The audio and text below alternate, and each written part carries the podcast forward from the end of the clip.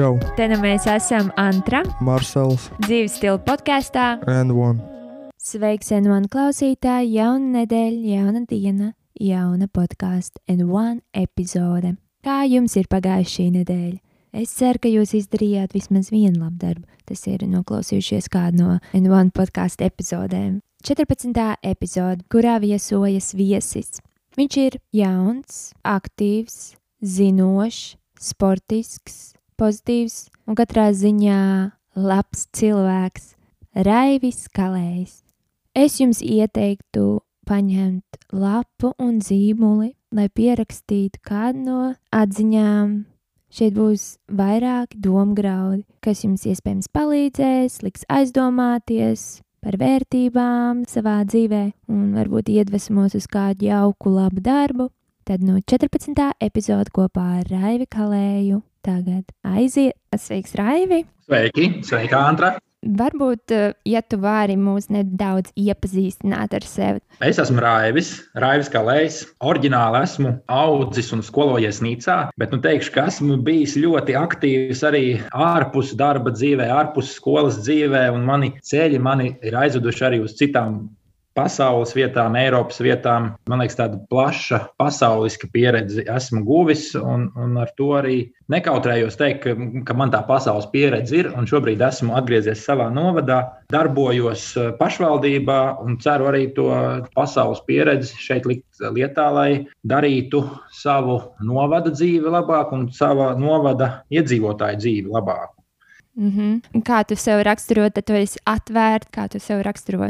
Nu, es teiktu, ka es esmu atvērts, gatavs izaicinājumiem, dažādiem izaicinājumiem. Jā, jo noteikti ir jābūt cilvēkam, ir jābūt atvērtam un, un visam, kas nāk, un jābūt atvērtam jaunām iespējām. Noteikti. Jo, ja noslēdzas, cilvēks noslēdzas un šīs uh, iespējas noraida, tad tās iespējas vienu brīdi vairs nenāk. Un, uh, tāpēc ir noteikti kritiski, protams, jāpaskatās uz tām iespējām, bet nu, liela daļa iespēju noteikti ir jāizmanto. Tāpēc, uh, jebkuru, ne, bet nu, lielu daļu no iespējām, kas man manā ceļā ir gadījušās, es esmu tvēris ar, ar atvērtām rokām un izmantojis. Un tā, jā. Varētu teikt, ka pie šāda raksturojuma tu esi nonācis laika gaitā, protams, vai ne?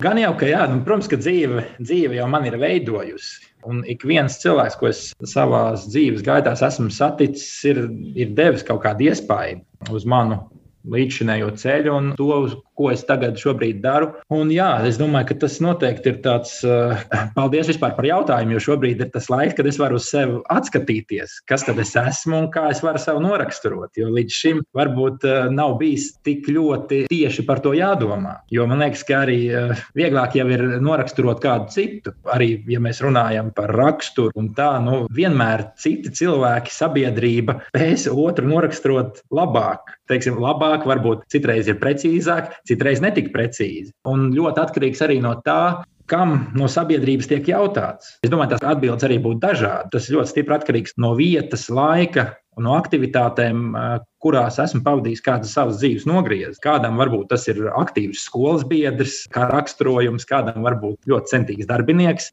kādam varbūt sabiedrības un ballīšu dvēsele. Tas ir ļoti relatīvi, kā noraksturot cilvēku. Pats es, ja man sevi pašam jānoraksturo, jā, es, es teiktu, ka es esmu aktīvs, zinātnēkārs un cenšos arī veselīgi dzīvot. Nu, tas tā dažos vārdos. Jā, kā jau sākumā teicu, ka tu nāc no Nīcas, varbūt pastāst par to laiku, tās saknes, kā tur bija, ja tu vari aizvest mūsu. Jā, tas ir atmodas laiks. Tie ir uh, 80. un 90. gadu mija. Un, jā, tad esmu atmodas laika bērns. Dzimis vispār esmu Liepājas reģionālajā slimnīcā, bet uh, vecāki, uh, tad esmu audzis un skolējies Nīcā. Atklāti sakot, nāku no tādiem kārtīgiem laukiem, kur vecākiem ir saimniecība. Bērnībā esmu darījis ļoti daudz lauku darbu un apguvis arī tos, un protu gan rakt, gan ravēt, gan ar traktoru braukt. Nu, tas, tās prasmes, man liekas, arī dzīvē ir norūdījušas, un varbūt arī kādreiz noderēs. Redzēsiet. Es domāju, ka noteikti arī lauku cilvēkam ir plašāks skatījums, jo es teiktu, ka vieglāk ir pārvākties, dzīvot un adaptēties dzīvē pilsētā, nekā pilsētniekam pārcelties uz laukiem un apgūt lauku darbus un, un iedzīvoties lauku vidē. Nu, tas tāds mans subjektīvais viedoklis. Protams, ir arī individuāli gadījumi, ka tas tā nav. Tas, jā, no kurienes esmu nācis, es teiktu, ka nu, ļoti liels paldies maniem vecākiem, kuri man ir ieaudzinājuši darbu spāru un, un mīlestību pret darbu un tās dzīves pamatvērtības. Mīlēt to vietu, no kuras es nāku, jo, lai kur es arī esmu pasaulē bijis, nekur nav tik labi kā mājās. Un šajā gadījumā ved uz nīcu. Pastāst par to laiku, kad dzīvoji ārpus Latvijas, kāpēc tu izvēlējies un kad tas sākās? Ārpus Latvijas sākotnēji, ja tā var tagad sākt domāt, nu kā, kā pareizāk dzīvot, tas īsti nebija, bet man, protams, ļoti, man ļoti daudz jomas interesē. Skolā jau arī padevās mācības. Praktiski visi priekšmeti padevās, un viens no mīļākajiem priekšmetiem bija arī geogrāfija. Stundām ilgi varēja pētīt geogrāfijas atlantu un skatīties valstis, iedomāties, kā tur ir, kā tur varētu būt. Bet tāda reālā ārvalstu pieredze man bija tikai sākot no pirmā kursa augstskolā. Jo tad viena mana laba paziņa, bijusī skolas biedrene, arī uzaicināja uz vienu projektu Spānijā jauniešu projektu. Uz divām nedēļām aizbraucu, ļoti labi pavadīju laiku. Man liekas, ka tas projekts bija vērsts uz zaļu dzīvošanu, uz zaļu dzīvesveidu, un bija jā, jābrauc uz dabas parkiem un jāpēta ūdens kvalitāte. Ja nemaldos, stādījām arī kaut kādas riedītes mežos un tādas lietas. Bet ļoti fantastiska pieredze, tīri, lai saprastu, ka man ir ļoti daudz jāmācās gan tādu starpkultūru pieredzi, gan arī valodas ziņā. Un pēc tā projekta man šķiet, ka manas intereses un uh, mana motivācija meklēt to starpkultūru saskarsmi tikai auga. Un pēc tā, šķiet, es vēl biju kādos 11 tādos projektos, uh, dažādās vietās Eiropā. Un, un, jā, un tas bija pirmais, otrais, trešais uh, augstskolas kurs. Ko tu studēji, ja var pieminēt? Es studēju sākotnēji pēc Nīcas vidusskolas eh, pabeigšanas, studēju Liepājas filiālē, Rīgas Tehniskās Universitātes Liepājas filiālē, uzņēmējdarbību un vadību. Bet bakalaura kvalifikācija man ir ekonomists pēc eh, bakalaura izglītības. Pēc tam studēju arī Rīgas Stradiņu Universitātē, Eiropas biznesa un tiesības. Esmu iestāžu organizāciju vadītājs. Tas ir maģistra grāts, un tad man, protams, ir labas pieredzes, un viena no tām pieredzēm ir Abas pieredzes ir ārzemēs, mācības ārzemēs, un viena no tām pieredzēm ir eh, bakalaura studiju laikā, bija apmaiņas studijas Nīderlandē. Tā arī bija man tāda lielā pirmā pieredze, kad uh, bija jādzīvo ilgu laiku ārzemēs. Teikšu, ka fantastiska pieredze iemācīja man būt patstāvīgam, nobriedu arī psiholoģiski. Sapratu, ka, nu, ka pašam par visu ir jāparūpējas, lai uh, iedzīvotos, ir vieglāk to izdarīt, jo apkārt ir uh, arī citu valstu studenti. Bet nu, tad bija tāda, kā es sajūtos, tāda reālā pieaugušā cilvēka dzīve, kad pašam ir jātīst dažādas prasmes, piemēram, kulinārijas prasmes. Un tad, un tad bija interesanti. Jā. Šo to jau pratu gatavot, bet nu, ļoti minimāli. Tad bija jāiet, kad gāju uz veikalu, tad es gāju ar somu. Somas šobrīd, šobrīd tautība atšķirība, nevis kā es ar somu. Es ar somu eju uz veikalu un skatos, ko viņš ņem. Un tad, tad stāvam abi pie plīts un gatavojam. Man liekas, ka pirmā, tas, toreiz tā bija pasta boloņēze, tad makarona, makarona ar ga, malto gaļu, nemaldos, un kaut kāda kečupa. Bet bija, bija ļoti, ļoti labas tādas, jā, prasmes, ko apgūt patstāvīgi. Bet mācības arī ļoti, es teiktu, ka praktiskas, ne tikai teorija. Tad varēja arī salīdzināt to Latvijas pieejamību mācībām, kā tas notiek Nīderlandē. Tad tur ļoti bija vērsta arī studijas uz praktiskām lietām. Uzņēmumi paši nāca pie mums un meklēja gudrās galvas, svaigām idejām, kā viņu uzņēmējdarbību uzlabot. Tad bija arī studiju projekti vairāk tādi. Cik tu ilgi tur biji? Tur es biju pusgadu. Tas bija 2011. gada pirmais pusgads. Jā. Apaļ desmit gadi aprit, kopš bija Nīderlandē. Bet pie tā tu neapstājies, turpināji tālāk. Es teikšu, ka, ka bija tāda, veidojās tāda pozitīva atkarība ja to tā var nosaukt. Jo viena kultūra ir izpētīta, gribas nākamo izpētīt. Un, un tad uh, bija vēl arī iespēja doties Erasmus praksē. Skatījos vairākas valstis. Viena jā, bija iespēja doties uz Somiju, bet pēdējā brīdī izturēju darba interviju uz vienu spāņu uzņēmumu, kas nodarbojās ar ārā aktivitāšu un komandas veidošanu, pasākumu organizēšanu. Protams, ka, ja man bija jāizvēlas starp Somiju un starp Spāniju, devos uz Spāniju, jo tur, tur, tur tomēr ir siltāks un, un devos es tur janvārī. Tad, tur, protams, iesila iesila laiks daudz ātrāk. Un, un bija, bija tas, bet man ļoti patīk Spānija un kultūra. Centos arī apgūt nedaudz tādu sarunu valodas līmeni valodas ziņā. Ik pa brīdim arī šobrīd vēl aplikācijas ir dažas, kuras es izmantoju, lai, lai atsvaidzinātu tās zināšanas valodiski. Jā, tad Spānijā es arī biju pusgadu. Ļoti pieredzes bagāts un vērtīgs laiks, lai iepazītu spāņu kultūru, uzņēmumu kultūru, ka viņi varbūt visu tver nedaudz vieglāk nekā mēs, ziemeļnieki. Ceļoju pa Spāniju, jo uzņēmumam ir arī tie pasākumi, tika organizēti dažādās Spānijas vietās. Pasākumi atšķīrās viens no otra, un tad tika gūti gūt arī ne tikai darba pieredzi ar cilvēkiem, bet eh, ļoti daudz strādājām arī pie mājaslapas uzņēmuma. Tas arī tādu savu kaut kādu artavu iedeva manās, varbūt, digitālajās prasmēs. Jā, tas par Spāniju.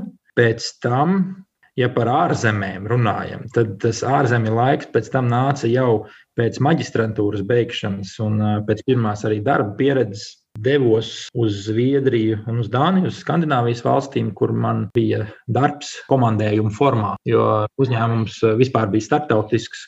Kā tāds viņš vēl joprojām ir, bet īpašnieki ir mainījušies. Šobrīd tā, tā bāze šķiet ir Uzņēmuma centrs ir Parīzē, bet tajā laikā bija Kopenhāgenā un Londonā. Tajā uzņēmumā starptautiskas pieredzes gūšana, man šķiet, nu, es tur darīju dažāda veida darbus. Sākot no mārketinga vadītāja, tad uh, konkrēti Zviedrijā bija loģistikas projekts Kopenhāgenā, bija produktu attīstības projekts. Atgriezies Latvijā, tajā pašā uzņēmumā strādāju arī kā noliktavas vadītājs, ražošanā darbojos. Nu, dažādi, es, es saku, tāda, e, ja man ir, ja man ir jāgūst e, trīs gadu laikā pieredze uzņēmumā, man liekas, labāku pieredzi nevarēja gūt, jo principā visās jom, uzņēmuma sfērās izgāja cauri iepazinu darbu, sanāca vadīt kolektīvu, starpkultūru darbs. Tā kā teikt, tikai pozitīva pieredze, pēc kuras tad eh, varbūt es sapratu, ka nedaudz vajag gūt arī zināšanas tādā jomā, kas man pašam ir sirdī tuva,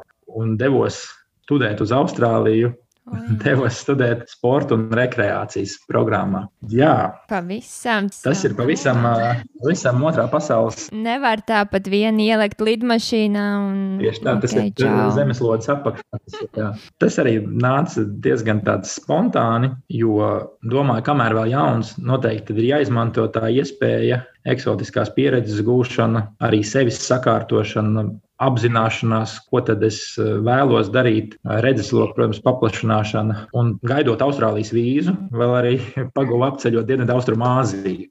Kā tas bija tāds eh, arī labs eh, galvas izveidināšana, gan citu kultūru iepazīšana. Ceļojies viens ar mugursomu, Mm. Tā kā dažāda pieredze, arī Tiešām. gastronomiskā pieredze, ēdu arī dažādus eksotiskus ēdienus. Kā, jā, bet, nu, Austrālijā nokļūstot, protams, ja salīdzinām Dienvidu Austrumāziju, nu, tad Austrālija noteikti kā vieta ir jau, nu, to nevar salīdzināt, jo tur ir uzreiz var just civilizāciju ļoti. Īpaši pilsētas, debesu skrāpji, var just to globalizāciju ikvienā jomā. Gan teiksim, arī ēdienu karte ir bagātināta ne tikai ar angļu, kas ir ieceļojuši ēdieniem, bet uh, Dažādi, dažādi virtuvi mm. tieši. Tā kā jā, bet eh, nu, es tur ļoti daudz iemācījos, kā jau es arī teicu, un tas viens no maniem mērķiem bija tāda eksotiskās pieredzes gūšana, nu, un arī studiju programmā bija dažādi ne tikai attīstīja sevi kā treneri, varbūt fitnesa zālē, bet tur bija arī kursi tādi eksotiski mums kā sērfošana, niršana, bija arī supošana un, un kalnos kāpšana. Un, kā, tas man liekas arī tāds, tāds laba pieredze, ko cerams vienu dienu varēšu arī kādu dienu izmantot savā darbībā.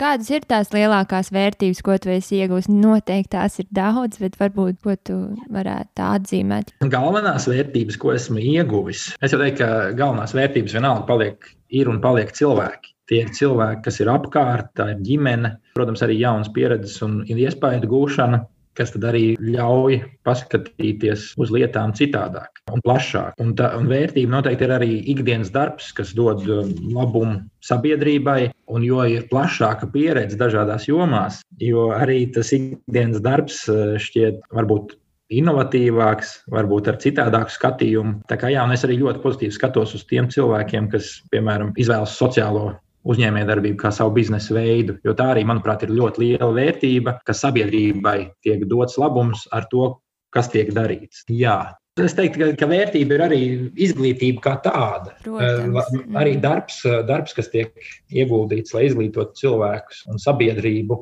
un celt sabiedrības kapacitāti, man liekas, ir nenovērtējams. Un šis, man liekas, ir lieliski iespēja, lai es pateiktu lielu paldies saviem Nīcas vidusskolas skolotājiem, kur, kur man, man liekas, ir ielikuši labu pamatu tādam tālākam izaugsmas ceļam, ne tikai Latvijas augstākās izglītības iestādēs, bet arī ārzemēs. Un tas ir tāds ļoti liels paldies. Un, un, jā, tā kā arī no lauku vidusskolām man šķiet ir ļoti liels potenciāls, lai cilvēki varētu darīt vairāk nekā, nekā varbūt viņi domā.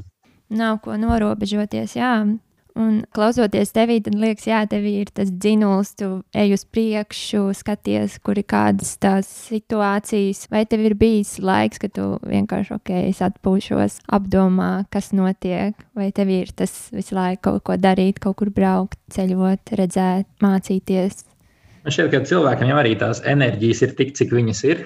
Noteikti, ka ir vajadzīgs kāds brīdis, lai pārstartētos vai uzlādētu tās baterijas. Es teiktu, ka man tā uzlādēšanās bija ceļojums, brauciens un pieredzes gūšana Austrālijā un Dienvidaustrumāzijā. Un arī pēc tam, kad es atgriezos šeit, Nīcas novadā, tad arī bija tas brīdis, kad mēģināju saprast, ko tad esmu ieguvis un ko tad es vēlos dzīvē darīt tālāk. Un tas arī bija tāds, teiksim, brīdis pārdomām, pauzes brīdis, kad es arī smēlos to enerģiju. Jo, un arī tas, ka es varēju būt tuvāk pie ģimenes, pie, pie vecākiem arī, un pie draugiem, tas arī man šķiet ir tāds pozitīvais.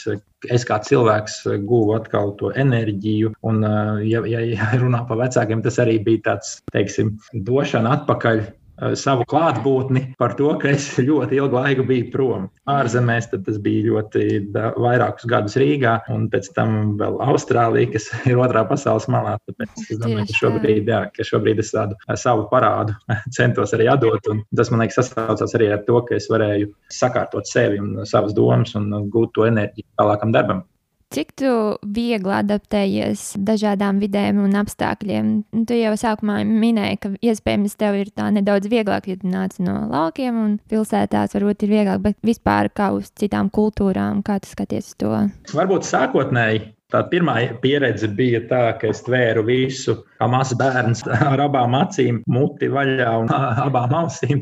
Es domāju, ka tas ir tas iespēju tveršana, kas man sākotnēji varbūt ļoti ieinteresēja un, un likās, ka jā, šit es varu ņemt visu. Pēc tam jau arvien mazāk bija lietas pārsteigt. Vienkārši ir jāsaprot un jāpieņem tas, ka cilvēki mums apkārt ir ļoti dažādi un ir dažādas vērtības, dažādi dzīves veidi. Un, jā, un tas arī jo vairāk kultūras tiek iepazītas, jo vairāk cilvēki tiek savā ceļā satikti. Jo tad cilvēkam ir arī vieglāk paraudzīties uz lietām no citas cilvēka perspektīvas. Psiholoģijā man liekas, ka ir tas vārdiņš empātijas spēja, empātija, ka, ka mm. tu vari nu, iejusties citu cilvēku ādā. Man liekas, ka tas ir tāds, kā var, kas palīdz iejusties Bet, bet ja, ja es tagad domāju, kā es varbūt arī esmu integrējies citās kultūrās un citās vidēs, kuras esmu dzīvojis, tad tas noteikti ir bijis, nu, kas man ir jāpiemina. Jo tas ir basketbols, kurš man, man ir pagrājusties, ka esmu viens no tās citas valsts pārstāvjiem. Jo, teiksim, basketbola komanda arī nu, pārsvarā, jo, protams, tie cilvēki ir no no tās valsts, vai tā ir Spānija, vai tā ir Zviedrija vai Dānija. Un ikvienā valstī, kur es braucu, es atradu basketbola komandu, kur spēlēt eh, basketbolu, kur piedalās vietējos čempionātos, vai tā ir, piemēram, Spānijā tā bija Katalonijas A sērija, kas ir Katalonijas augstākā līga, vai Zviedrijā tā bija otrā Zviedrijas līga. Tie līmeņi bija ļoti, es, es pat teiktu, tādi nu, ļoti augsta līmeņa tā priekš cilvēku, kuram varbūt basketbols nav pirmajā vietā. Protams, tajā brīdī jau likās, nu, pa dienas daru savu darbu, vakarā eju uz treniņu, nedēļas nogalēs spēles, un, un tad tas laiks arī paskrien ļoti ātri. Bet uh, es teiktu, jā, ka, ka noteikti ka basketbols bija tas, kas deva to iespēju, kā iejusties tajā kultūrā. Pastāst, tad basketbols ir tavs hobijs arī tagad, un vienmēr ir bijis. Pastāst vairāk par sporta veidiem. Jā, teikšu, ka basketbols ir bijis vienmēr hobijs. Ir bijuši brīži, kad tas ir jau nopietnāks hobijs bijis. Universitātes laikā vienmēr esmu spēlējis basketbolu, un nu, Rīgas Stradiņa universitātes eh, komanda arī Latvijas mērogā ir zināma kā, kā nepiekāpīga, un, un ir bijuši arī ļoti labi sasniegumi Latvijas basketbola līgas otrajā divīzijā. Un esam pārstāvējuši arī valsti un, un universitāti eh, Eiropas čempionātos studentiem. Basketbols kā tāds, jā, ir ļoti, man liekas, tāds labs. Bez basketbola noteikti es nebūtu tāds cilvēks, kā esmu tagad, jo basketbols man ļāva satikt fantastiskus cilvēkus. Basketbols ir iemācījis, un sports vispār kā tāds ir iemācījis dažādas lietas, gan uzvarēt, gan zaudēt, gan komunicēt. Komandas ir bijušas dažādas, un ir, ir komandas, kur esmu bijis līderis, ir komandas, kur esmu bijis komandas spēlētājs. Tā kā, nu, tas, jā, to man liekas, arī var pārnest uz dzīvi. To sporta izjūtas, sporta sajūtas var arī pārnest uz profesionālo jomu. Ja vēl par hobijiem, nu, vispār aktīvas atpūtas un tā tālāk. Tas ir gan pludmales, tenis, gan tenis, gan uh, var spēlēt visas sporta spēles, gan ziemā, gan vasarā. Nu, principā daru visu. Tas ir kaut kas aktīvs. Varu skriet, skrienu, braucu ar riteni, supoju. Pēdējā ziemā esmu sācis arī ziemas peldēšanas aktivitātes, kas man liekas, ir tāds jaunais trends, jaunā tendence, kā cilvēki, visi cilvēki pavada laiku. Man liekas, tas tāds, jā, tāda, tāda pozitīva lieta un arī norūda veselību, teikšu. Jā, par sportu arī daba, protams, iešana dabā. Tas daba uzlādē, tas arī noteikti ir jāpiemina. Un, un jā, ja jau arī ceļošana, motocikli arī brauc ar pats ar motociklu. Tā kā arī ir tāds veids, kā. Ekstrēmajam. Jā, varbūt ekstrēmi, bet es esmu tāds, tāds mierīgais braucējs, gribētu tā teikt, vairāk tā Audi krūzo pa ielām Nīcā. Ko? Nīcā, jā, Nīcā un, un te pa Dienvidkurzemes novadu. Noteikti izbraukāšu arī visu novadu, apskatīšos, kā pavasarī puķis zied un kā koki zied. Vēlējos jautāt, kāpēc izlēma atgriezties atpakaļ un tieši savā dzimtajā novadā? Kas bija tas, kas teica, jā, es gribu atgriezties atpakaļ? Es teiktu, ka man jau nekad nav bijusi tā doma aizbraukt un neatgriezties. Jo vienmēr jau ir tā sajūta, ka aizbraucu ar kaut kādu mērķi ārzemēs, paveicu tur to savu misiju, gūstu tās zināšanas, to pieredzi un atgriežos. Un es vienmēr sevi esmu redzējis Latvijā, un es domāju, jo vairāk eh, tie cilvēki, kas ir guvuši gan izglītību, gan pieredzi ārpus Latvijas un atgriezīsies ar plašāku redzesloku, tie būs tie cilvēki, kam Latvija ir jābūvē. Un varbūt, ja nebūtu, piemēram, Spānijā, Spānijā es aizbraucu praksē, eh, man paralēli bija jāraksta bakalaura darbs. Ja man nebūtu jāraksta bakalaura darbs, darbs un jāatbrauc uz Latviju aizstāvēt. Man ļoti patīk Spānija. Varbūt eh, būtu kaut kā viss iegriezies. Man piedāvāja arī tur mācīties un, un spēlēt, turpināt spēlēt basketbolu. Tur. Bet jā, es atgriezos un, un stājos universitātēs un sāku mācīties Rīgas Stradiņu universitātē pēc tam. Tas arī man liekas, ka viss uh, dzīvē notiek tā, kā tam ir jānotiek. Un katrai atgriešanās ir bijis iemesls, bet uh, es ne, nevienu brīdi neesmu aizbraucis ar domu, ka es tur palikšu dzīvot. Es vienmēr esmu gribējis dzīvot Latvijā, jo tā ir mana valsts, un es uzskatu, ka kurš gan citu to valstu būvēs, ja ne pats. Nu, citās valstīs vienmēr, nu, vienmēr būs, būšu svešais, bet savā valstī es esmu savējais. Jā, pastāstīji par savu nodarbošanos, jā, tu tagad strādā domē, vai tev ir doma joprojām to turpināt uz priekšu un kāpēc? Es nezinu, es pieminēju, nepieminēju, bet es esmu pamatdarbs, man ir attīstības nodaļas vadītājs.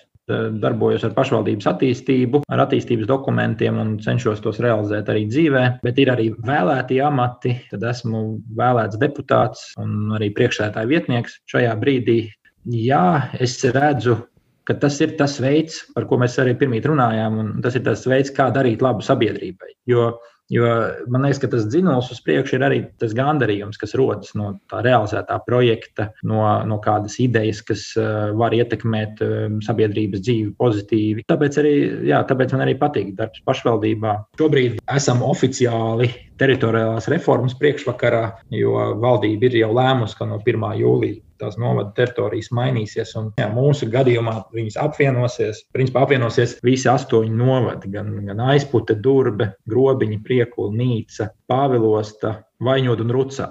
Tā kā jā, no šie astoņi novadi apvienosies, un, un drīzumā arī būs vēlēšanas, jaunās domas vēlēšanas. Nu, skatīsimies, ļoti jau vēlētos arī turpināt darbu šajā sfērā.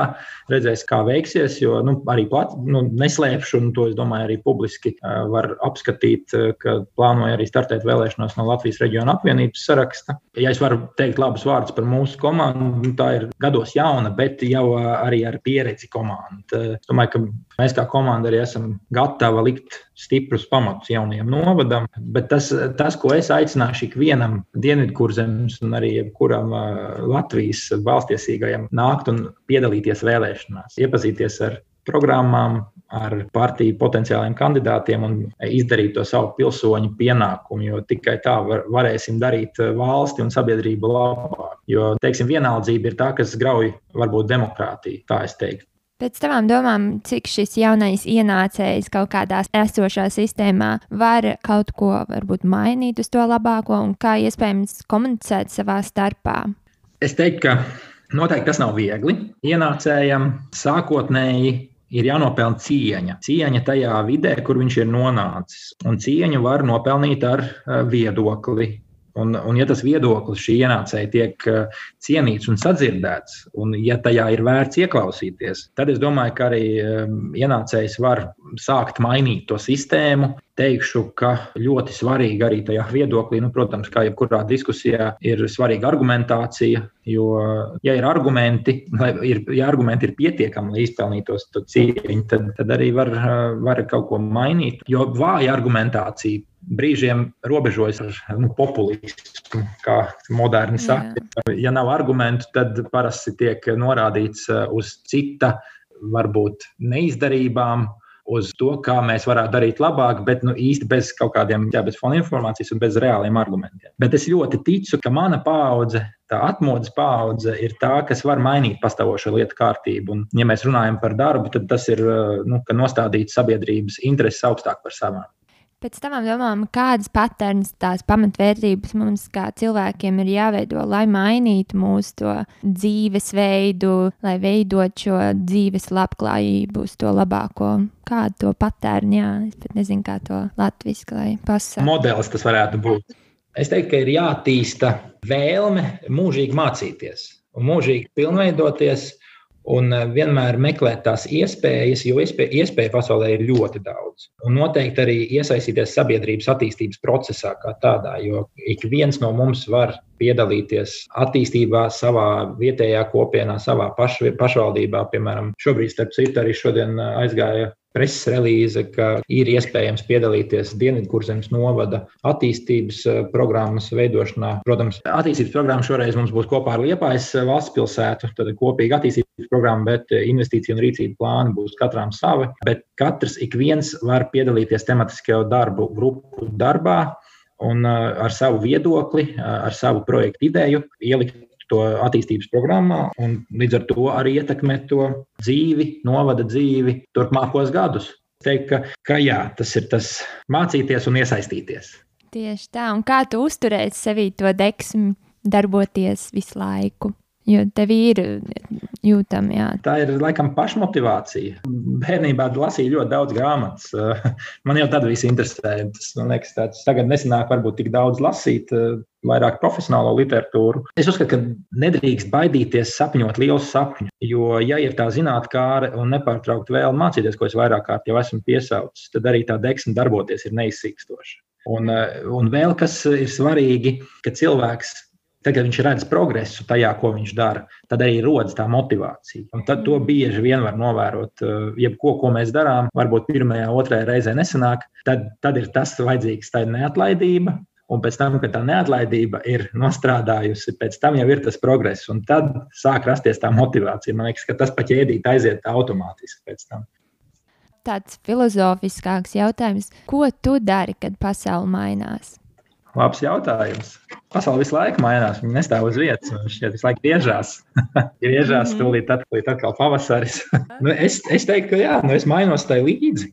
Jā, tas ir pašsaprotami, ka pasaule nestāv uz vietas. Viss attīstās, ir ļoti daudz inovācijas. Un, ja, nu, mēs, arī mēs, mūsu paudzes bērni, jaunieši un cilvēki vispār ir ļoti daudz dažādiem periodiem gājuši cauri. Ir tinuši kasetes ar zīmoli atpakaļ, tad diskus, disku playerus stiepuši līdzi, tad tagad ir viss ir telefonā. Es domāju, ka, jā, ka tādā pieredzes ziņā mēs, esam, mēs paši varam pateikt, ko mēs esam darījuši, kad pasaule mainās. Nu, mēs tieši tā arī darām. Nu, arī es daru, es adaptējos, pielāgojos un, un mainos tai līdzi ja jās, nu, kā jau arī minēju, pirms tam, ka jāsapņo lieli sapņi, un viss, ko mēs varam iztēloties un nosapņot, ir realizējams. Jā, tā kā jebko, ko mēs sapņojam. Es atceros, vienreiz, vienreiz bija ar cilvēku. Viena cilvēka bija saruna, ka mēs varētu būt tie, kas, kas varbūt glābj Āfrikas bērnus un pasauli. Nu, es tam arī svēti ticu, ka, ja būs kopīgs komandas darbs un, un būs galvenais ideja, un, un būs resursi, cilvēku resursi, ar ko kādu ideju īstenot, viss ir izdarāms. Tavs pārdoms par visu par uzvarēšanu, visu par būt pirmajam, būt labākajam, kā, kā tu skaties uz to? Jā, es teiktu, ka varbūt man ir daži brīdi, es pēc horoskopa esmu auns. Sevi iedomājos, nu, man ir tas dzinulis uh, uzvarēt. Protams, uzvaras ceļi ir dažādi, uzvar, uz, nu, ceļš līdz uzvarai kā tāds, man liekas, ir tas process, kas ir jābauda. Un bez baudas to īsti arī laikam to uzvara, uzvara nekādu gandrījumu nenesīs. Ceļš uz uzvarai būt, var būt gan fizisks, gan psiholoģisks. Nu, ja, ja mēs skatāmies uz sportu, tad tur saslēdzās abas lietas kopā. Ja par darba ziņu, par darba lietām, tad eh, ļoti daudz nosaka arī psiholoģiskā sagatavotība. Un noteikti ir jāizsver, kāds tas ceļš līdz uzvarai ir svarīgs sev. Jo es noteikti augstāk vērtēju uzvaras, kur esmu ieguldījis lielu darbu, daudz laika. Tas ir tas gandarījums, kas nāk pēc par to uzvaru. Jo, ja uzvara vienkārši atnāk eh, loterijā, protams, liels prieks, bet vai tas ir gandarījums par to, tas ir cits jautājums. Jā. Es teiktu, ka cenšos sasniegt savus mērķus.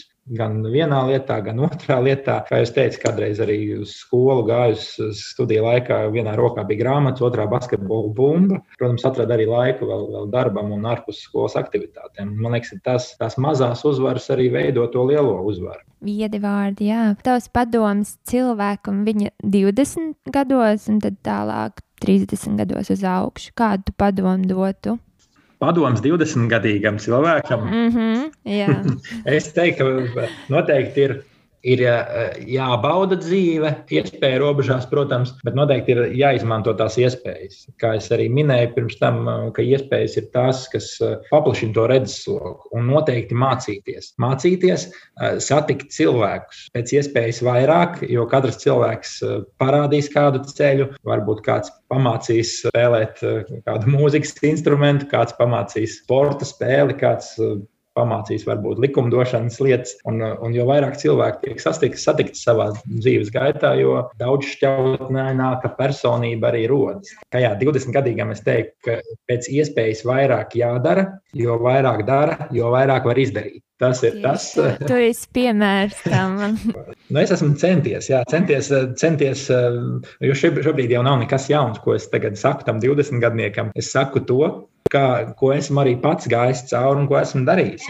Dažkārt pietrūkst tas iedrošinājums vienkārši tam 20 gadniekam kaut ko sākt vai kaut kāds. Jā, tam es arī varētu piekrist, jo, jo viss nezināmais noteikti izraisa piesardzību Un kur tad ir vieglāk dzīvot? Vieglāk dzīvot ir komforta zonā, jo komforta zona tā ir mūsu pazīstama vide, ļoti mm. patīkama, bet eh, viena lieta ir, ka komforta zonā nekas neaug. Un komforta zona ir tā, ja, ja mēs izraujamies no komforta zonas, tad mēs augam. Un, eh, un, jā, un tas ir liekas, tas, kas arī jaunietim ir, ir sevi jāizaicina. Jāmēģina jaunas lietas, jaunas aizraušanās, mūzikas instrumentu pamēģināt spēlēt, ja, ja nekad tas nav darīts. Arī pats es esmu, nu, arī pats es ugunskura līmenī varu tagad ģitāru uzspēlēt, bet uh, līdz tam vispār nekāda uh, saskarsme ar to nebija. Tāpēc uh, es teiktu, ka, nu, protams, ir laiks, nu, laiks ir ierobežots resurss. Uh, kurš tad arī ir um, jāizvērtē tās prioritātes. Jo uh, nu, ir darbi, ir prioritārie darbi, un ir, tad ir atpūtas vai brīvais laiks, kurā mēs varam darīt varbūt kādas hobiju lietas. Protams, jā, sākumā jāpadara prioritātes, un pēc tam, pēc tam ir pārējās lietas. Par 30 gadnieku. Jā, un uz augšanu, jā. Nē, nē, es teiktu, ka jā, nu man uz papīra es neesmu uzrakstījis savu piecgadus plānu, un arī ilgtermiņa desmitgadus plānu man nav uzrakstīti. Bet es domāju, ka noteikti ka ir arī ģimeniskās vērtības, man nav svešas. Un, un ja mēs domājam par valsts demogrāfijas situācijas uzlabošanu, tad arī tajā jomā noteikti man vēl viss ir priekšā un uh, savu vārtavu ir jāiegulda.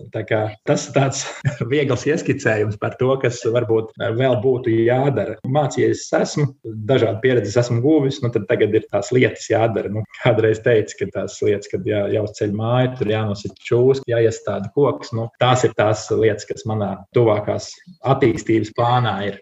Kādu mantojumu tu vēlētos vispārīgi atstāt? Es teiktu, ka noteikti, lai cilvēki atcerētos mani ar labu vārdu. Jo es atceros arī, ka mēs kādreiz ar, ar saviem draugiem esam runājuši nu, par to. Kādreiz, protams, arī jokojāmies par to, nu, kas tu būsi, kad tu izaugs. Tad mums bija tā populāra atbilde, labs cilvēks. Es domāju, ka labi cilvēki mēs esam visi. Kā labu cilvēku mantojumā, man, doma par to, ka es esmu labs cilvēks, atstāt mantojumā. Protams, tas būtu ļoti labi, bet gribētos atstāt aiz sevis kaut ko paliekošu, tā lai, lai cilvēki piemin tiešām ar labu vārdu par maniem darbiem, par to, ko es esmu darījis, un jā, par, varbūt par kādām tradīcijām, ko es esmu ieviesis. Nepajautāju, kas tavuprāt ir dzīves stils? Dzīves stils noteikti ir vārds, ar ko tiek raksturots uh, cilvēka dzīves ritms. Jo tas jau ir tas, kas definē cilvēku. Pirmīt jau arī minēja par to, ka varbūt cilvēks pats nemaz nav nodefinējis to savu raksturojumu, to savu dzīvesveidu, bet apkārtējie bieži vien zina teikt, nu, redz, viņam ir tāds un tāds dzīvesveids. Es domāju arī, ka dzīvesveidu kā tādu veido tie svarīgie dzīves elementi. Nu, tie ir, protams, darbs, mājas, eh, sadzīve un, protams, miegs, brīvais laiks, kas tiek sadalīts starp ģimeni, attiecībām, hobijiem. Bet ļoti vēlams, lai starp šo visu, starp šiem komponentiem atrastos arī laiks sev un savai attīstībai. Es teiktu, ka tas ir tas dzīves veids, kas, kas šīs lietas to veido. Lieliski. Varētu teikt, ka lielie jautājumi ir beigušies, bet tālāk seko tādi nedaudz vieglāki jautājumi. Vai tu esi gatavs tiem? Jā, saldais ēdiens, saldais ēdiens, cik es saprotu. Desertiņš. Mēs varētu pat tā nosaukt. Ļoti jauki, jā, deserts. Te nu ir viena lieta, ko tu vēlētos darīt biežāk. Labs jautājums, ļoti labs jautājums. Man tagad pārsteidz tā, ko es vēlētos darīt biežāk. Es teiktu, ka varbūt ceļot. Šobrīd varbūt tīri tāpēc, ka šobrīd nav bijusi iespēja ceļot jau ļoti ilgi. Sakāpināts tas, ka nu, neesmu ceļojis. Vai varbūt jā, tīri izbraukt, paskatītos kādu citu vietu un arī gūt kaut kādu enerģiju turpmākiem darbiem. Jā. Bet nu, tas ir tas, ko es gribētu darīt biežāk. Bet es teiktu, ka par dažādu veida biežumu vai lietām, ko es daru. Angliski ir tas work-life balance. Viss ir balansā, un arī tās lietas, ko vēlētos darīt biežāk, es uzskatu, ka viņas ir jātur balansā, lai nebūtu tikai tā, ka ir tas darbs un tikai darbā iekšā, jo ir jābūt tiem momentiem, kad tā nodarbe, kas ko vēlas darīt biežāk, nu, viņa ir jādara. Kaut kādai uh, regularitātei tajā nodarbē ir jābūt.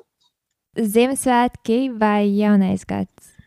Jaunais gads, jauns sākums, jauns apņemšanās tavs visinteresantākais vai visdīvainākais ēdienu kombinācija? Tas, ko es uh, ikdienā ēdu, vai tas, ko es, es nezinu, vai tu ikdienā to bet, nu, jā, nu, piemēram, tur frī kartupeļu un iemērts uh, milkšēju. Tāda. Tā, tā, tāda um, regulāra, ko es ēdu un, un ko es uzskatu par dīvainu. Jā, var, nu jā. Es nezinu, es jau ar mani ir ļoti vienkārši varbūt sadzīvot, jo es ēdu visu. Un es noteikti neesmu tas uh, etalons, pēc kura vajadzētu mērīt kādam ēdienam garšu, jo man garšo viss. Kombināciju tu neveido. Nē, es esmu ēdis da, dažādus ēdienus, ar, nezinu, sieru, ar, ar, ar uh, ievērojumiem. Tas ir normāli. Man liekas, tas, tāds, uh, tas ir klasisks. Man liekas, es varētu pateikt par dīvaināko ēdienu, ko es esmu ēdis. Jā. Haizivs, um, Stroganovu kaut kādu, vai laikam trakākais ir bijis. Es, ne, es nezinu, gal, ceru, ka neviens nē, bet trakākais laikam bija pusperēta ola, pīlis. Bija, tas bija Filipīnās, un Filipīnās tas ir diezgan tāds nu, nacionāls uh, ēdiens, un tas ir pilnīgi normāli, ka viņi to ēd. Un, protams, cieti novārīt un ar kaut kādām mērcītēm vienreiz apēdu, bet noteikti vairs neēdīšu. Labi. Vai tu esi līderis vai sekotājs? Tā kā viens no komandas dalībniekiem. Es, protams, ļoti varu pielāgoties. Es varu būt līderis, es varu būt arī sekotājs, bet aktīvais sekotājs. ja tā var pateikt, Jā, kurš varbūt uh, savu viedokli iestarpinās. Uh, tāds liberālais uh, stils varbūt uh, man patiktu, ka nav tas viens vadonis, bet katrs ieliek to savu ārtavu kopīgā darbā. Jo arī latviešu teiciens, tas senais vēsts, ka ikvienam roka jāpieliek, lai lielais darbs uz priekšu tiek. Tā kā es varētu, es varu ab, abus, abas lomas pildīt, dabas aicinājums un dzīves aicinājums brīžiem saka, tu vari būt līderis. Atvaļinājums Eiropā, nu, tāds aktīvs, tu visur brauc un brauc skatīties, vai tāds mierīgs atvaļinājums kaut kur salās, Karību salās. Aktīvs atvaļinājums, noteikti. Aktīvs, es uh, nogulēju pie baseina īsti. Tas nav mans stils. Uh, man vajag kāpt kalnos, man vajag kriet, uh, nezinu, pusmaratonu vai, vai kāpt kalnos, vai redzēt uh, vulkānā saulriet, iet pārgājienā mūža mežos. Tas ir mans, jā. Par Eiropu runājot, jā, ļoti daudz uh, vietas vēl arī nav redzētas. Tas var būt kaut vai pilsētu geocaching. Vai, vai tu būtu tāda iespēja izvēlēties pogu dzīvē, varētu izmantot to kā iespēju patīt atpakaļ pogu vai poga nopauzēt pauzi pogu? Nopauzēt. es domāju, nopauzēt. Jā. Pakaļ, es domāju, ka nav ko skatīties uz atpakaļ, jāskatās uz priekšu. Bet uh, varbūt nopauzēt, lai, lai padarītu tās, tās eh, lietas. Uh, nu, nu, varbūt ne šajā brīdī, nu, jo, jo es ļoti ceru arī, ka situācija valstī uzlabosies un, un tīri pauze varbūt tam, ka būtu vairāk laika atbildīgiem lēmumiem un vairāk laika tam, lai paspētu izdarīt kādas lietas. Kādu ēdienu tu neesēdzi, bet tu vēlētos? Varbūt dienvidamerikāņu ēdienus. Nē, esmu ēdis. Es domāju, jā, jo nu, Dienvidamerikā neesmu bijis. Amerikā, Ziemeļamerikā arī nē. Ziemeļamerika varbūt eh, nevarētu man tik ļoti pārsteigt, bet es domāju, Dienvidamerikāņiem gan jau kādas savas tradīcijas, eh, arī ēšanas tradīcijas, kur varbūt es vēlētos notestēt. Atcerējos to Leonardo DiCaprio filmu, The Beach, kur viņš dzēra čūskas asinis. Un tad es domāju, nu jā, čūskas, čūskas vīnu esmu dzēris, tur, kur čūska iekšā vīnā peldās. Tādu es esmu dzēris, bet čūskas asinis es neesmu. Tā kā varbūt, varbūt čūskas asinis. Arī čūskas gadā esmu dzimis, varbūt tas tāds. Tātad garas pastaigas ar kājām vai garas distances ar velosipēdu? Garas distances ar velosipēdu. Arī pirms desmit gadiem, nu pat izmetās arī Facebookā tas memorijas, kur mēs ar Somu, ar, ar Džomu braucām. ar Somu. Es ar Somu un Somu. es ar Somu un Somu. Mēs braucām no tādas trīs. Jā, jā, mēs braucām ar, ar ļoti nu, tādiem pieredzējušiem riteņiem, second hand riteņiem eh, no Alkmāras uz Diseldorfu, no Nīderlandes uz, uz Vāciju. Tie kaut kādi 300 km mērojām, man šķiet, divi ar pus dienās. Un, eh, tas man liekas, ir ļoti labs tāds riteņbrauciens, ļoti labs arī sevis pārvarēšana un kaut kāda pārbaudīšana. Man ļoti patika un ļoti patika arī tas dabas baudīšana. Un Pagājušajā gadā man arī vienā brīdī ienāca prātā, ka es eh, gribētu apbraukt apkārt Latvijas robežai. To eh, tajā pauzes laikā es domāju, ka es izdarīšu. No kā tu baidies? Es ne, ne, nevaru teikt, ka es baidos. Varbūt es esmu nedaudz piesardzīgs kādās lietās. Protams, ir tās nezināmās lietas, tie izaicinājumi, kuros es esmu piesardzīgs un no sākuma apsveru visus par un pret tikai tad izdaru kādu izvēli. Bet vai es baidītos? Laikam jau, ka es tā ļoti nebaidos. Es vairāk izsveru to, vai tas man ir vajadzīgs vai nē. Būtu gatavs arī nolikt ar izpletni vai nolikt ar gumiju bez problēmām. Man liekas, tādas lietas man īsti nebaida. Pagaidām vēl organisms ļauj. Visinteresantākā vieta, kur tu esi bijis? Ļoti daudz tādu vietu ir okeāna dzīvēs. Varbūt okeāna dzīvēs ir ļoti interesanti. Tā ir cita pasaule, ienirstot un, un, un sajūtot to, kā, kā dzīvo zivis, kā dzīvo bruņurupuči eh, tajā savā dabiskajā vidē. Man liekas, ka tas ir ļoti interesanti redzēt. Interesanta vieta, kur nokļūt. Jo pārējo mēs varam nokļūt, jā, kaut kā mēs varam, bet zem ūdens tur ir jābūt nedaudz arī prasmēm un izaicinājums. Tas ir vēl viens, jo tas ir arī ekstrēmais sports. Augļi vai dārzeņi? Abi garšo, es tagad domāju, dārzeņi. Jā, nu, dārzeņi ir jāēd vairāk, tāpēc es teikšu dārzeņi. Bet man, garš, man ļoti garšo apelsīnu un, un tā. Jā. Bet, bet tā, 5 uz 5. Tad es teikšu, es nekad neesmu, un tev būs jāsaka, jā, es esmu vai nē, nē. Tad, tad es nekad neesmu salauzis kaut ko. Es esmu salauzis. Protams, ka esmu. Jā, es salauzis esmu roku krītot no koka otrajā klasē. Un pēc tam mēs braucām uz ekskursiju, bija jābrauc uz baseinu. Es nevarēju peldēt, jo man bija ģipsēta roka. Un es vēl arī pirms gadiem, kādiem varbūt sešiem, uh, iebraucu no kalniņa, braucot lejā ar plēvi, iebraucu priedē un salauzu rības. četras, četras rības septiņās vietās. Kā, tas arī bija tāds piedzīvojums. Jā, tas viss kārtībā. es nekad neesmu nogriezis sev matus. Es esmu kaut kādas šķipsnes, varbūt nogriezis, bet pats uh, griezis es neesmu. Man ir griezuši tādi spontānie griezumi, man ir bijuši, kur kāds uh, amatieris vai kursu biedrs ir, ir griezis, bet pats es esmu tikai varbūt kaut ko pielīdzinājis drusku ar šķērīgu šķipsni priekšā, varbūt, kas man nepatika. Jā. Es nekad neesmu nokavējis lidojumu. Es esmu nokavējis. Esmu gulējis lidostā vairāk kārt. Jā, ir, ir bijuši dažādi lidojumi, un, un bijuši, ir bijušas pārlaistas nakts arī lidostā, jo esmu vienkārši nokavējis lidojumu. Es nekad neesmu dziedājis karaoke. Es esmu dziedājis, ļoti dziedājis. Esmu. Man liekas, ka es karaoke esmu labākais dziedātājs. Tas ir tikai tajā brīdī, man liekas. Ja es iera, ja es dzirdu ierakstu, tad man liekas, nē. es nekad neesmu izlaicis ar izpletu. Nekad neesmu izlaicis, jā, bet es būtu gatavs. Vai tu labāk vēlētos spēju runāt ar zvēriem, tā kā sarunāties ar zvēriem, vai runāt jebkurā valodā? runāt jebkurā valodā. Un cilvēks tomēr ir visaugstāk attīstītā sociālā būtne. Un, ja es varētu runāt eh, teiksim, ar eskimosiem vai ar aborigēniem, tad noteikti es dzirdētu ļoti daudz interesantu lietu par to, kā, kāda viņiem ir vēsture, kā viņi dzīvo un kādas ir viņu kultūriskās tradīcijas. Tā, tas man liekas, ka tas būtu vērtīgi. Jā. Mīļākā mācību stunda skolas laikā? Nē, man visas mīļas. Jā, kā komplimenti manām skolotājām, man ļoti patīk uh, latviešu valoda, matemātika. Nu, protams, pēc tam arī sports ņēma virsroku. Ekonomika man ļoti patika, tāpēc arī varbūt izvēlējos. Nu, skaitļi patika, bet man bija ļoti daudz mīļu priekšmetu, un, un es man grūti pat izdalīt vienu īpašo, bet man visi patika. Un visus arī centos pēc labākās sirdsapziņas mācīties. Visdārgākā lieta, ko tu esi saplēsis? Nu, es tāds prātīgs, es tā cenšos neplēst lietas nepamatoti. Šeit ir varbūt jāsāk runāt par tām vērtībām. Es teiktu, ka materiālās vērtības es neuzskatu par tādām augstākajām vērtībām, kādas ir. Tā pieredze, nu, tās ir vērtības. Brauciens uz Austrāliju varētu būt, nezinu, tā dārgākā lieta, ko es iespējams kādreiz būtu saplēsis. Bet es izvēlos aizbraukt uz Austrāliju vai paceļot pa Dienvidu Austrumāziju, lai tā lieta nebūtu jāsaplēš. Eiropas basketbols vai NBA? Uh, NBA. Kur ir tava mīļākā komanda?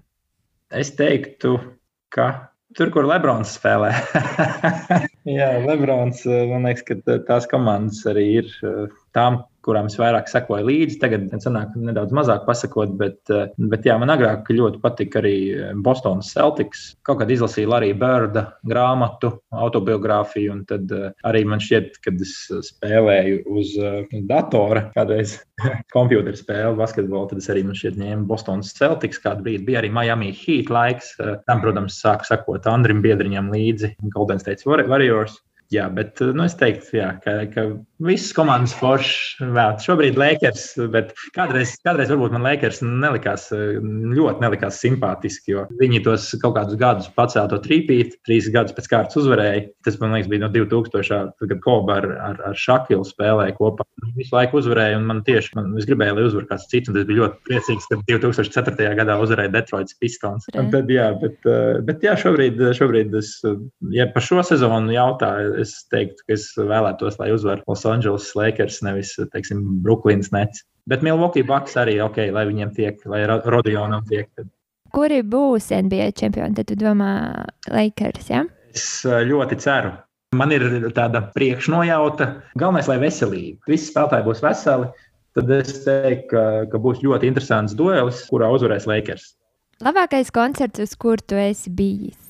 Prāta vētra. Protams, ka prāta vētra meža pārstāvja meža. Sākotnēji, protams, gāja galvā ar varbūt, nezinu, limbiskit vai emīlēms, bet es, nu, es vienmēr to pateikšu. Tas ir prāta vētras koncerts meža parkā. Man šķiet, ka 60 tūkstoši cilvēku tur vienojas dziesmās un gaismiņas, kad tumsā spīdina, tad man liekas, tas ir tāds emocionāls brīdis un pēc tam arī tāds kopistiski visi dodas, kur nu kurais cits uz tramvaju, cits varbūt prāta vētras koncerts. Tas ir, man liekas, tāds vēl viena latviešu dziesmu svētki. Kādu lauku darbu tu esi darījis? Tu teici sākumā, ka tu esi daudz darījis. Vai tu esi slaudzis govi? Es, man liekas, esmu mēģinājis agrāk, bet, mm. bet nu tā, man liekas, no A līdz Z neesmu izslaucis. nav, nav sanācis, bet... nav nemaz tik viegli. Es ticu, ka nav viegli, jā. Bet, ko es, es, es saku, es ļoti daudz darbus esmu darījis ļoti daudz darbus. Lauku darbus, racis, neracis, ravējis, braucis, jā, teicu, ar traktoru, vedis kaut ko kaut kur un dažādas lietas. Jā. Mm. Ar lauku darbiem man pārsteigt īsti nevar. Vēl, vēl šobrīd palīdzu dažādās talkās un arī vecākiem palīdzu, kad ir brīvs brīdis darbos. Vienmēr laikā vai vienmēr kavē? Man jāatcaucās uz to dziesmu, kas tagad ir populāra, ka es vienmēr kavēju, bet visu paspēju. Jā, es, es laikam esmu no tiem, kas, kas mēdz kavēt, bet, ja es varu kavēt, tad es kavēšu, ja es nedrīkstu kavēt, tad es nekavēšu. Vieta, kur tu vēlētos aizceļot? Man ir tādi savi mērķīši. Piemēram, viens no ir road trip no Amerikas, Ziemeļamerikas austrumu krastu uz rietumu krastu. Tas varētu būt tāds, un, protams, Dienvidamerika. Jā, jā. Tas varētu būt tādi tiešām aizceļot un redzēt. Un vēl, vēl protams, Āfrika un pārējās vietas. Ko tu pirmo ieraugi cilvēkā? Laikam attieksmi, attieksmi ieraugu. Vai viņš ir atvērts, vai viņš ir noslēgts, vai viņš ir gatavs runāt, un vai mums būs par ko runāt. Es laikam to uzreiz cenšos apjaust un ieraudzīt. Par fiziskām lietām smaidu Jā, smaids ir tā lieta, ko, kas man, nu, cilvēki, protams, jebkurš cilvēks, smaidošs cilvēks, rada sev to pozitīvo enerģiju apkārt un patīkamāk komunicēt, ja ir šī ledus laušana notiek caur smaidu. Kādā spēlē tu esi pavadījis visvairāk laika? Nu, tā, kad Un, piemēram, Dāmbrets spēlē. O, es biju kādreiz vidusskolas laikā A grupas čempions rajonā. Dāmbret, par Dāmbretu runājot. Bet, eh, bet par spēlēm, nu, es domāju, ka, ja sports spēles, tas ir basketbols. Bet eh, tā ir tāda spēle. Bet es domāju, ka ļoti daudz computeru spēles es agrāk spēlēju. Eh, viens periods bija, ka nu, es spēlēju ļoti daudz sporta computeru spēles, gan futbolu, gan basketbolu, dažādus formulas un tā tālāk. Eh, ja par tādu spēli, kas ir reālāka dzīvē, tad tā ir zolīte. Eh, ļoti daudz spēlējām zolīti vidusskolas laikā ar klases biedriem. Atvainojos skolotājiem, bet nerad arī stundu laikā. Un tika ņemts arī kārtas nost un, un spēlējām arī pēc, eh, pēc, pēc stundām ēdam zālē ļoti ilgas stundas mēs pavadījām spēlējot kārtas. Bet, jā, ļoti interesants laiks. Un, jā. Tad viena no pēdējiem jautājumiem, diviem, viens ir, ko tiešām beidzot vajadzētu modernizēt? Vajadzētu sportistiem tas vairāk būs aktuāli. Vajadzētu kaut kādu aparātu, kas izstiepja visus muskuļus pēc treniņa, lai pašam nebūtu jāstiepja. Es nezinu, kā tas varētu fiziski izskatīties, vai tā, bet varbūt kaut kāds digitāls, kur ar plus mīnus tur eh, regulē eh, to stiepienu, stiepiena stiprumu, un tad varētu izstiept gan visus ikrus, hamstringus, eh, muguru, rokas, visu, lai, lai pašam nebūtu daudz laika un darba jāiegulda rulējoties un stiepjoties. Jā. Vai tev ir prātā citāts, kur tu mēdz dot ikdienā? Man ir vairāk citāti, es domāju. Piemēram, viens no, viens no tiem ir Nīcas vidusskolas skolēnu valdes moto. Un moto skan mazāk runā, vairāk dari. Un es atceros, arī darbojos skolēnu valdē savā laikā. Tur nu, tieši tā arī bija, ka nu, ļoti daudz darījām. Tas, tas arī man kaut kādu varbūt tās dzīves ceļu ietekmēja. Un, tā arī bija tāda pirmā saskarsme ar demokrātijas procesu kā tādu. Pirmās vēlēšanas un tā tālāk. Bet jā, nu, es teiktu, ka mazāk runā, vairāk dari. Tad ir protams, Rainis, kurš teica, pastāvēs, kas pārmainīsies, tad vienmēr ir jābūt aktīvam un jāmācās un jāpielāgojas un jāadapt, jāadaptējas laikam līdzi, tad, tad, tad tas ir tas, ko Rainis arī tajos 20. gadsimtā bija domājis. Jā, vēl ir, šķiet, vai Aleksandrs Čakas bija teicis, var, var kļūdīties, bet man šķiet, viņš teica, ka es esmu bagāts, jo man pieder viss, kas ar mani ir noticis. Un jā, es domāju, ka tā ir tā bagātība, ko mums neviens nevar atņemt, un tā ir tā lieta, kas nevar saplīst, jo to mums neviens neatņem. Tie ir tie trīs citāti, ko es varbūt vēlētos šobrīd izcelt. Jā, paldies. Tie tiešām lieliski vārdi, viedi vārdi. Ar to mēs arī noslēdzam mūsu sarunu. Paldies, tev liels par, paldies. par piedalīšanos mūsu podkāstā, kur mēs varam tevi sameklēt sociālajos vai arī Nīcā. Nīcā arī var man sameklēt. Es domāju, es domāju, man var atrast uh, visos sociālajos portālos. Protams, jautājums ir, uh, cik aktīvs es tajos esmu. Protams, nu, esmu arī Instagramā. Tur vairāk ir manas brīvā laika pavadīšanas bildes iekšā un, un kā es pavadu brīvo laiku. Jā, pēc vārdu un uzvārdu arī var atrast. Noteikti var atrast arī Nīcā. Tā kā droši rakstiet, ja gribat man satikt un pastāstīt par to, kā attīstīt eh, kādu Dienvidkurzemes novada lietu vietu, tad es esmu atvērts idejām un noteikti prieks jebkuru satikt un ar jebkuru parunāt. Un, un ja es kādam varēšu palīdzēt, tas būs prieks gan man, gan varbūt kādam citam cilvēkam. Tā kā win-win situation, kā saka. Ļoti paldies. Paldies. Jauks. Paldies, paldies liels, ka uzaicināji. Un, un, eh, un, nu, man ļoti arī patika, starp citu, patīk vēl joprojām tas podkāstu nosaukums. Jo, nu, tas, mhm. and one, nu, tas ir tas, kas saistās ar, ar to manu sportiskā dzīvi. Un ka nu, divi plus viens vienmēr ir labāk nekā iemest vienkārši lejā no apakšas divi. Veiksmi jums arī tālākajos podkāstu gaitās. Paldies, paldies. Čau, čau, čau. Labi, atā, čau. Nu, tā nu mēs esam pietuvušies šīs epizodes izskaņai. Lielas jums paldies par pieslēgšanos un, protams, arī klausīšanos. Mēs ceram, ka jums patika. Turpiniet klausīties arī turpmāk mūsu podkāstu And One. Jauna epizode katru otrdienu. Lūdzam, lejuplādēt un novērtēt epizodi Spotify, Apple vai jebkurā citā platformā, kur jūs dzirdat podkāstu and one. Protams, sekojiet mums arī sociālajos tīklos, kā Instagram un Twitter ar nosaukumu and one viens podkāsts. Sūtiet mums ziņas, jautājumus un ieteikumus uz e-pasta podkāstu.and1 at gmail.com. Ja tu vēlies atnākt uz mūsu podkāstu, vai arī tu zini kādu, kas vēlētos te būt, tad droši sūtiet mums ieteikumus, un mēs ar tevi sazināsimies. Paldies! Tie esam mēs podkāstā N1, Antra un Maršals. Mēs izraksimies! Tā.